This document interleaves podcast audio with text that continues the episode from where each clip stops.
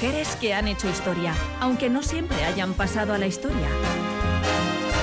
Algunas hoy célebres, otras aún por descubrir. Algunas heroínas, otras villanas, todas singulares.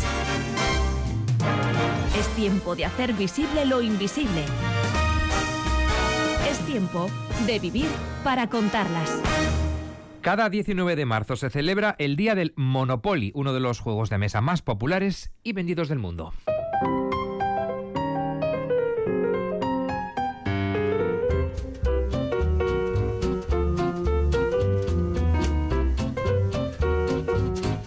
Y se estima que desde que su supuesto creador vendiera los derechos del mismo, en 1935, más de 500 millones de personas se han entregado con deleite a largas y divertidas partidas. Edurne Vaz, ¿qué tal? Hola. Hola. Porque ¿quién no ha jugado alguna vez al Monopoly? Hombre, por favor, grandes partidas con mis hermanos que además me demostraron que era tan mala con las finanzas en el juego como en la vida. Esto es así. bueno, vamos a aprovechar esta fecha para hablar de, este juego y de muchas otras cuestiones importantes, ¿no? Bueno, eh, vamos a aprovechar para situar los acontecimientos en su justo orden y contexto porque aquí también hay que aclarar algunos puntos. ¿eh? Bueno, sabemos quién lo inventó, porque hemos dicho el supuesto.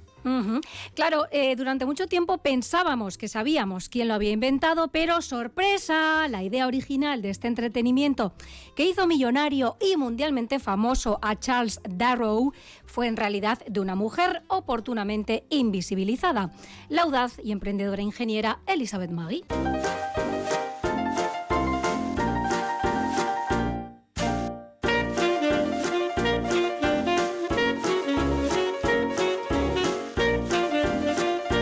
Elizabeth Maggie, quédense con ese nombre. Bueno, alias Litchi, ¿eh? conocida también como Litchi, nació en el condado de Macomb, en el estado de Michigan, el 9 de mayo de 1866. En su educación, en la formación de su conciencia social y también en sus futuras posturas político-económicas, resultó clave una figura, la de su padre, el periodista y editor James Maggie. ¿Quién era este hombre? ¿Quién era él? ¿Quién era Laita? Era un hombre políticamente muy comprometido, era militante antiesclavista, partidario de la causa de la Unión y un excelente orador que llegó a acompañar al futuro presidente de los Estados Unidos, Abraham Lincoln, durante sus viajes por Illinois en la década de 1850. Con el estallido de la Guerra de Secesión, terminó incluso alistándose como soldado. Finalizada ya la contienda, nació Elizabeth y cuando ésta tenía ocho años, la familia se mudó primero a Springfield y años más tarde a Chicago. Su padre, profundamente decepcionado con las prácticas políticas y especuladoras vigentes en el país, publicó un ensayo en el que denunciaba la creciente desigualdad social y señalaba a los viciosos, los ignorantes y los millonarios, a quienes no les importa, escribía, si los trabajadores estadounidenses terminan convirtiéndose en esclavos asalariados, siervos o mendigos. Ya hemos dicho que la figura del padre es clave en esos ideales político-económicos de Elizabeth Maggie. De hecho, fue a través de su padre como Elizabeth conoció la obra y el pensamiento del economista y filósofo estadounidense Henry George. Y en particular el libro que condensaba sus principales postulados, que publicado en 1879 llevó por título Progress and Poverty, Progreso y Pobreza. ¿Y qué decía exactamente ese libro? ¿Qué abordaba? Pues en este ensayo, que se convirtió en un absoluto éxito de ventas, George criticaba los monopolios sobre los recursos naturales que él consideraba patrimonio de todos los seres humanos. El derecho igualitario de todos los hombres a usar la tierra, sostenía, es tan obvio como el derecho igualitario a respirar el aire. Es un derecho proclamado por el hecho de existir. Argumentaba que la renta económica de las tierras de propiedad común debía ser participada por la sociedad en lugar de caer en manos privadas y si alguien poseía esa tierra de forma privada, lo justo a su entender era que pagase un impuesto a cambio de ese privilegio. Defendía asimismo que los monopolios constituían el factor determinante de la pobreza y la desigualdad y apostaba por la supresión de todos los tributos y por el establecimiento de un único impuesto sobre el precio de los bienes naturales que alimentara las arcas públicas y garantizara el establecimiento de una renta ciudadana, o sea, sería un antecedente de lo que hoy conocemos como renta básica universal, ¿no? Bueno, pues Litsi convirtió en esa idea, la convirtió en una eh, idea que defendió durante muchísimo tiempo. ¿eh? Es lo que se conoció entonces como el sistema de impuesto único o georgiano o georgiano. Y aquí es donde ya empieza, digamos, la, historia, ¿no? A partir de este ideal eh, económico, de este postulado económico, ella empieza a trabajar y a darle vueltas al coco. Claro, tenía una mente muy activa, como veremos, y para ilustrar los postulados de Henry George y contribuir a su divulgación, en 1902 diseñó un juego de mesa que bautizó como The Landlord's Game, que podríamos traducir como el juego del propietario o el juego del terrateniente, y a la sazón, como veremos, precursor clarísimo del Monopoly. Trataba de demostrar de una forma práctica, didáctica y lúdica el negativo y desigual resultado del acaparamiento de tierras que a la postre resultaba en el enriquecimiento de los propietarios y el empobrecimiento de los arrendatarios. Los rigores del capitalismo, en resumen.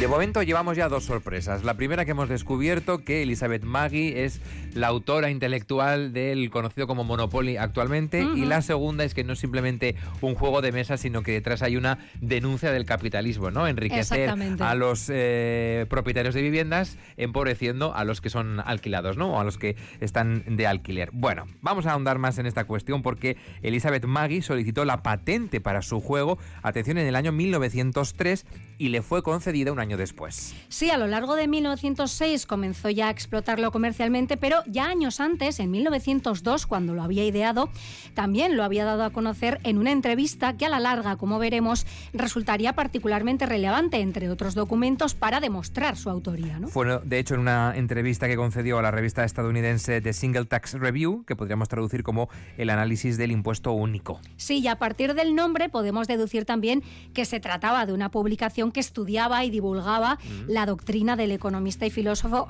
Henry George, del que hemos hablado. ¿no? Y en aquella entrevista, Elizabeth afirmó, este juego de mesa es una demostración práctica del actual sistema de concentración de tierras con todas sus consecuencias. Y añadía, bien podría haber sido llamado el juego de la vida, ya que contiene todos los elementos del éxito y el fracaso en el mundo real y el objeto es el mismo que parece tener la raza humana en general, es decir, la acumulación de riqueza. En el juego se utiliza dinero, escrituras, hipotecas, pagares y otros títulos de propiedad. Se compran y venden parcelas, se cobran alquileres, se toma prestado dinero, ya sea del banco o de particulares, y se pagan intereses e impuestos. También está representado el ferrocarril y quienes hacen uso de él están obligados a pagar el pasaje.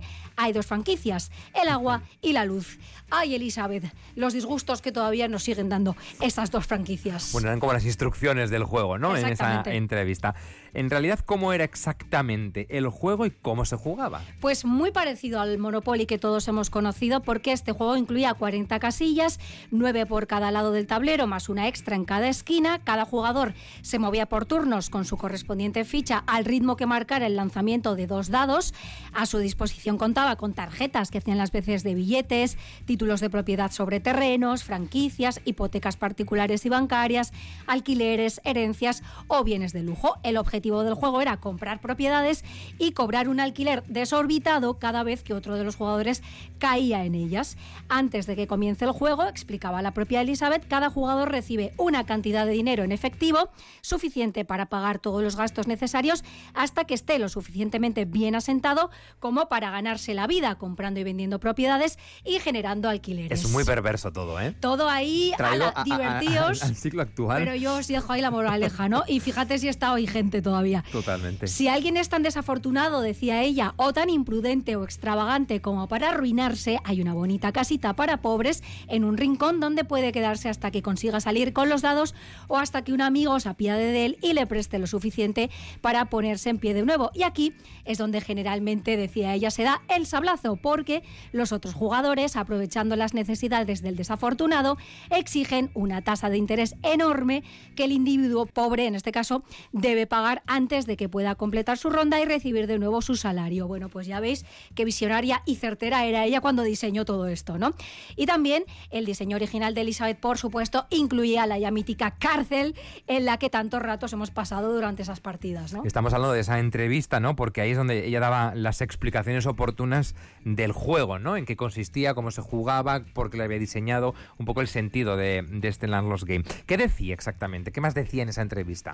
Pues decía también, hay dos parcelas de tierra en el tablero que están fuera de uso, ni para alquilar ni para vender, y en cada una de ellas aparece el letrero de prohibición, prohibida la entrada, ve a la cárcel. Una de estas extensiones de tierra, la más grande, es propiedad de Lord Blueblood de Londres, Inglaterra, y representa la propiedad extranjera del suelo estadounidense. Representa la cárcel para cualquiera que entre en esta tierra y allí el desafortunado individuo debe demorarse hasta que cumpla su tiempo o pague la multa requerida. Vamos, que a todas luces el diseño original de Elizabeth Maggie era lo que todos acabaríamos conociendo como Monopoly, aunque ella lo bautizara inicialmente con otro nombre. Durante los años siguientes se hizo muy popular en varias ciudades de Estados Unidos y se fue editando en varias versiones que no contaron con el control ni por supuesto la aprobación de su creadora original y el resto, como suele decirse, es historia, en concreto la historia de un plagio.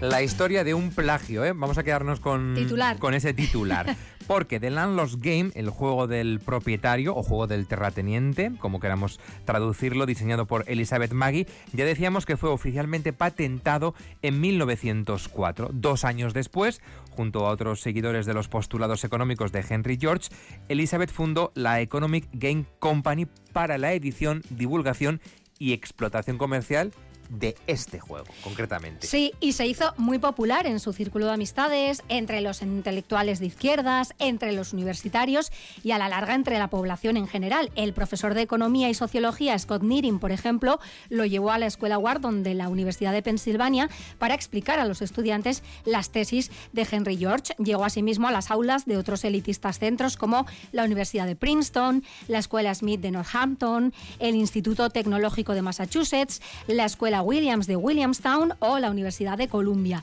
En 1923, expirada ya la patente original, Litchi patentó una nueva versión de su juego y lo editó de la mano de una empresa local. Hubo más revisiones, reformulaciones y reediciones de la creación original, la más relevante de ellas en 1932. En cualquier caso, Edurne, el planteamiento de fondo se mantenía prácticamente intacto. Sí, ella tenía muy claro cuál era el sentido de ese juego y eso, por muchas modificaciones que fuera introduciendo, se seguía manteniendo. Pero ya sabemos lo que ocurre con las ideas exitosas, que no tardan en surgir las imitaciones, que si atendemos al dicho popular son la forma más sincera de admiración, pero que siendo honestos se pueden convertir en un verdadero fastidio para el creador del asunto en cuestión, ¿no? Y Elizabeth trataba sin demasiado éxito de recuperar el control sobre su juego, que ya estaba siendo caseramente reproducido, arbitrariamente modificado y en algunos casos incluso comercializado sin su autorización. Ninguna de aquellas versiones apócrifas apócrifas y no autorizadas trascendió demasiado o no al menos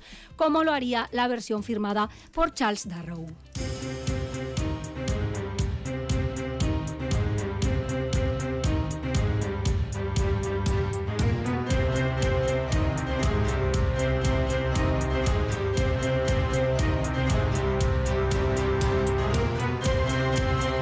Durante la Gran Depresión, Charles Barrow, Darrow, un vendedor de calefactores domésticos del sureste de Pensilvania que se había quedado en paro, diseñó un juego de mesa y lo llamó Monopoly y lo patentó en 1935. Claro, y tras un primer intento fallido de vendérselo a Parker Brothers, la principal empresa juguetera estadounidense se decantó por una producción casera y a pequeña escala del juego que acabó resultando todo un éxito.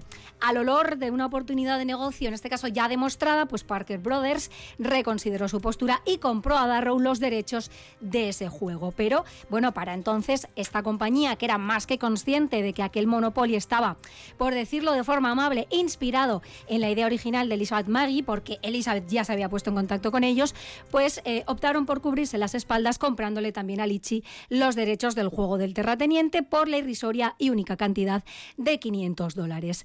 Y es que en efecto el Monopoly de William Darrow era una réplica casi exacta del ideado por Elizabeth. Y digo casi porque si bien era prácticamente calcado, introducía una serie de cambios que la propia Litchi no había querido introducir a pesar de las insistentes sugerencias de la compañía comercializadora. Estos cambios hacían, según ellos, más divertida la partida porque apelaban, por así decirlo, a la natural codicia humana. Cabe decir que la historia mm, y lo que la propia Elizabeth ya había presentado en su día, en el juego del terrateniente dotado de dos conjuntos de reglas con sendos y opuestos enfoques sobre la propiedad. Claro, ya había planteado la posibilidad de que se podía jugar bajo esos dos conjuntos de reglas. Por un lado, el conjunto de reglas de la prosperidad, que atendiendo a las teorías de Henry George, consideraba ganador de la partida a quien más hubiera logrado prosperar desde la situación de inicio. Es más, en la línea de su defendido impuesto sobre el valor de la tierra, todos los jugadores ganaban cada vez que otro adquiría una nueva propiedad. Pero también estaba el planteamiento inverso, ¿no? Exactamente. En el lado opuesto, pues estaba el conjunto de reglas monopolista, según el cual los jugadores avanzaban adquiriendo propiedades y cobrando alquiler a todos los que tuvieran la mala suerte de caer en sus casillas. Se consideraría en este caso ganador de la partida a quien consiguiera llevar a la bancarrota a los jugadores más débiles, ¿no? Y este que era en la versión original el enfoque que Elizabeth buscaba criticar fue el enfoque que se impuso en la nueva, plagiada y desvirtuada versión de Charles Darrow. No contentos con pervertir la idea original de Litchi, fueron hábil y premeditadamente haciendo desaparecer de la historia a la creadora hasta que en el imaginario colectivo durante muchísimos años el diseñador original del más popular de los juegos de mesa pasó a ser Charles Darrow, quien dicho sea de paso, y al contrario que Elizabeth, se convirtió en el primer creador de juegos de la historia en hacerse millonario. Hizo falta un juicio totalmente ajeno en principio a Litchi para que la verdadera autoría del Monopoly fuera revelada.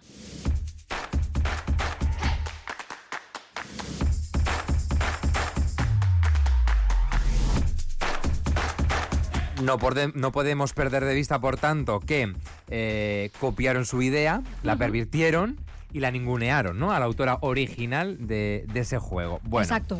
Entre 1975 y 1986 tuvo lugar en los tribunales estadounidenses un largo proceso judicial, pero en este caso iniciado a raíz de la publicación de un juego de mesa llamado Antimonopoly. Fue el conocido como el caso de Parker contra Ralph Anspach. ¿En qué consistía este caso exactamente?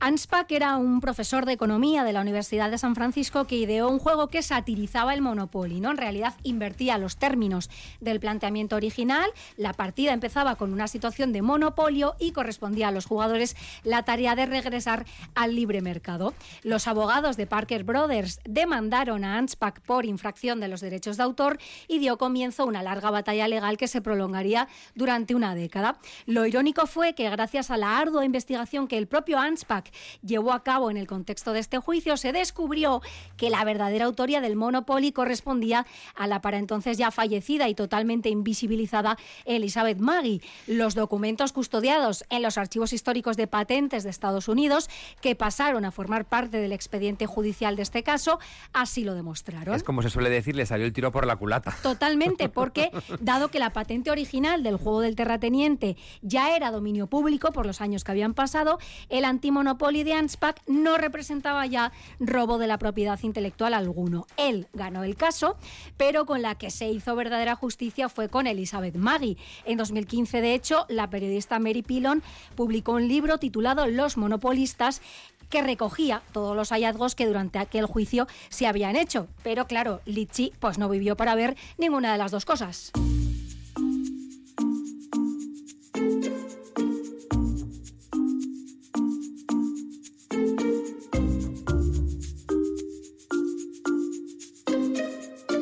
El Monopoly, con esta fascinante y desconocida historia detrás que hemos descubierto gracias a Edurne Baz, es como planteábamos al inicio, el más popular y el más vendido de todos los juegos de mesa. Así lo dice al menos el libro Guinness de los Récords y cuenta incluso con un campeonato mundial que se celebra cada cuatro años ahí en plan Olimpiadas, ¿no?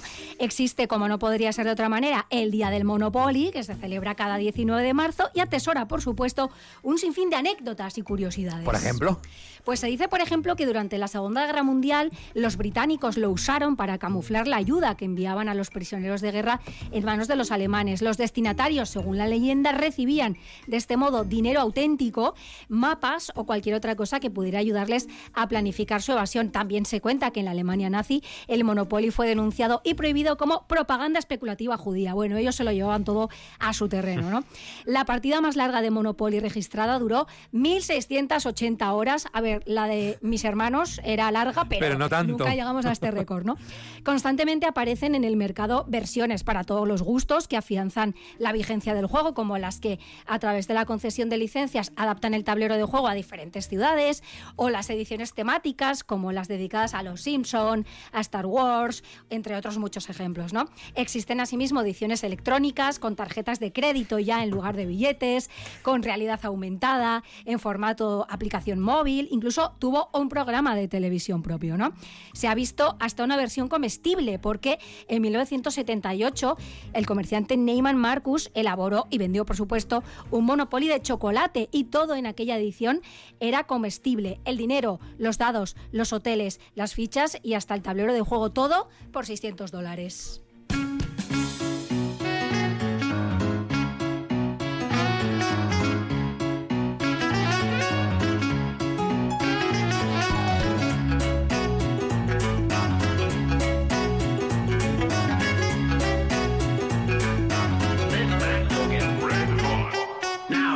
En Vivi para contarles estamos reconstruyendo la verdadera historia de la autora, ¿no? Intelectual del Monopoly es Elizabeth Maggie, que fue siempre una mujer independiente, luchadora y emprendedora. Siempre ella trabajó como secretaria, mecanógrafa y taquígrafa para pagarse los estudios de ingeniería, escribió y publicó un poemario y también varios relatos cortos, fue comediante y actriz de teatro, se desempeñó incluso como reportera para un periódico y de forma paralela defendió siempre los derechos de las mujeres. Con estrategias, hay que decir, de lo más provocador, por ejemplo, para denunciar la discriminación laboral y salarial que sufrían las mujeres, que las obligaba a contraer matrimonio para poder sobrevivir, pagó un espacio publicitario en un periódico en el que se ofrecía el mejor postor como esclava joven y americana. No somos máquinas, argumentó después cuando, claro, ya había logrado captar la atención de los lectores y del país, ¿no? Las chicas tenemos cerebro, deseos, esperanzas y ambiciones. Ella no se casó con Albert Phillips hasta los 44 años, que era algo del todo inusual en la época, y cabe decir que además del juego que dio origen al Monopoly, oye, hubo más, ¿eh? Hubo más juegos, inventó más eh, juegos, eh, no sé si además se publicaron luego, si Sí. se realizaron. Hubo más que publicó, algunos autopublicó y otros le publicaron también en Parker Brothers, pero incluso antes de todo esto ya había solicitado una patente para una nueva máquina de escribir. Ella era inventora en general Totalmente. que lograba eh, que el papel se moviera más fácilmente a través de los rodillos y permitía también insertar documentos de diferentes tamaños, lo cual resultaba particularmente meritorio teniendo en cuenta que durante aquellos años al menos del 1% de las patentes correspondían a mujeres. ¿no? Elizabeth Maggie, la verdadera inventora del Monopoly con el que se hizo millonario Charles Darrow, murió en 1948 a los 81 años, mucho antes de que aquel juicio sacara a la luz la verdad que hoy, en Vivir para Contarlas, hemos querido contribuir a visibilizar.